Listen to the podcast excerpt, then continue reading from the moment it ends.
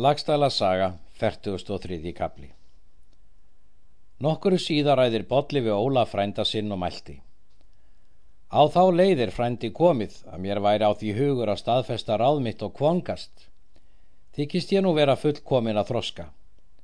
Vildi ég til hafa þessa máls þitt orða fullting og framkvæmt því að þeir eru hér flestir mennað mikilsmunu virða þín orð. Ólafur svarar. Þær eru flestar konur að við munum kalla að þeim sé fullbóðið þar er þú ert. Munt og eigi hafa þetta fyrr upp kveðið en þú munt hafa statt fyrir þér hvar nýður skal koma. Bodli segir Ekki mun ég mér úr sveit á brott byggja konu meðan svo nálaðir eru góðir ráðakostir. Ég vil byggja Guðrunar Ósíðurstóttur. Hún er nú fræg og skvenna. Ólafur svarar Þar er það mála ég vil engan hlut að eiga. Er þér bolli það í engan stað ókunnara en mér, hvert orðtak ávarum kærleika með þinn kjartan á guðrunu? En ef þér þykir þetta all miklu máli skipta, þá mun ég leggja engan minnleika til ef þetta sems með yður ósýri. Eða hefur þú þetta mál nokkur rætt við guðrunu? Bolli hvaðst hafa á viki um sinn sakir, hvað hann haf ekki mjög á tekið. Vænt ég þó að ósvífur muni mest um ráða þetta mál. Ólafur hvað hann með myndu fara sem honu líkaði. Egi miklu síðar rýður Bodli heimann og með honum sínir Ólafs, Haldur og Steinþór. Voru þeir tólf saman. Þeir rýða til lauga. Ósvífur fagnar þeim vel og sínir hans.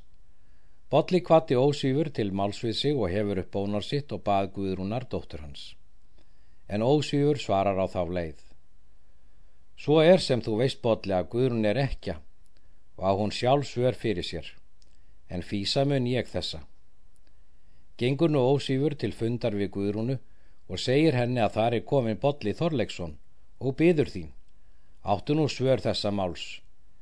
Mun ég hér um skjótt byrta minn vilja að Bolla mun eigi frá nekt ef ég skal ráða. Guðrún svarar. Skjótlitið gerir þú þetta mál og rætti Bolli eitt sinn þetta mál fyrir mér og veiki heldur af og það sam er mér enn í hug. Þá segir ósýjur. Þá munum margi menn mæla að þetta sé meira af ofsamælt en mikill í fyrirhyggja þú neytar slíku manni sem bolli er. En meðan ég er uppi þá skal ég hafa forsjá fyrir yður börnum mínum um þá hlutir ég kann gerra að sjá en þér. Og er ósýjur tók þetta mál svo þvert, þá fyrir tók Guðrún eigi fyrir sína hönd og var þó hinn tregasta jötlu. Sinir ósvíurs fýsa þessa mjög, þykir sér mikil slæja til mægða við botla.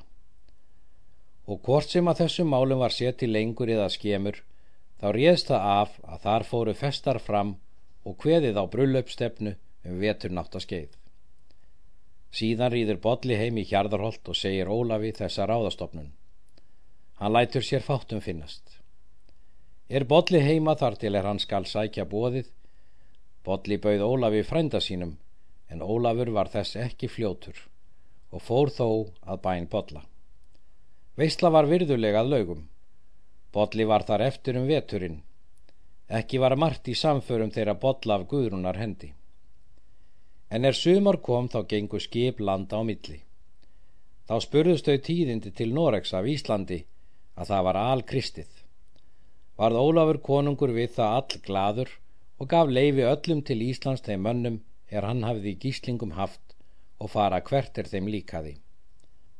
Kjartan svarar því að hann var fyrir þeim önnum öllum er í gíslingu höfðu verið haldnir. Hafið mikla þökk og þann munum við að aftaka að vitja Íslands í sumar. Þá segir Ólaur konungur. Egi munum við þessi orð aftur taka kjartan, en þó mæltum við þetta ekki síður til annara manna en til þín, því að við virðum svo kjartan að þú hafir hér setið meiri vingan en gíslingu. Vildi ég að þú fýstist eigi út til Íslands, þó að þú eigi þar göfga frændur, því að kostmundu eiga að það taka þann ráðakost í Noregi er engi mun slíkur á Íslandi. Þá svara kjartan. Vor herra launiður þann sóma er þér hafið til mín gert síðan er ég kom á yðvart vald. En þess vænt ég að þér munuð eigi síður gefa mér orlof en þeim öðrum er þér hafið hér haldið um hríð. Konungur hvað svo að vera skild en segir sér torfengan slíkan mann ótíin sem kjartan var. Þann vetur hafði Kalfur Áskilsson verið í Noregi og hafði áður um haustu komið vestan af Englandi með skip þeirra kjartans og kauperi. Og er kjartan hafði fengið orlofið til Íslandsferðar, halda þeir Kalfur á búnaði sínum. Og er skipi var albúið þá gengur kjartan á fund Ingibjargar konungssistur. Hún fagnaði honum vel og gefur rúm að sýta hjá sér og taka þau tal saman. Segir kjartan þá Ingibjörgu að hann hefur búið ferð sína til Íslands. Þá svarar hún. Meir ætlum verið kjartan að þú hafi gert þetta við einræðið þitt en menn hafi því þessa eggjað að fara brott af Nóri og til Íslands. En fátt var þeim á orðum þaðan í frá. Í þessu bíli tekur Ingibjörg til mjöðdrekku er stendur hjá henni. Hún tekur þar úr mótur kvítan, gullofin og gefur kjartanu og hvað Guðrún Ósíðustóttur helsti gott að vefja honum að höfðu sér og myndi henni gefa móturinn að bekjargjöf. Vilja þær Íslendingakonur sjáu það að súkonur eigi þræla ættar er þú hefur talátt við í Nóriði. Þar var Guð vefjar póki um utan, var það hinn ágættisti gripur. Hvergi mun ég leiða þig, saði Ingi Björg. Far nú vel og heill. Eftir það stendur kjartan upp og hvar til Ingibjargar og höfðu menn það fyrir satt að þeim þætti fyrir að skiljast. Gengur nú kjartan í brott og til konungs, sagði konungið að hann er þá búinn ferðar sinnar.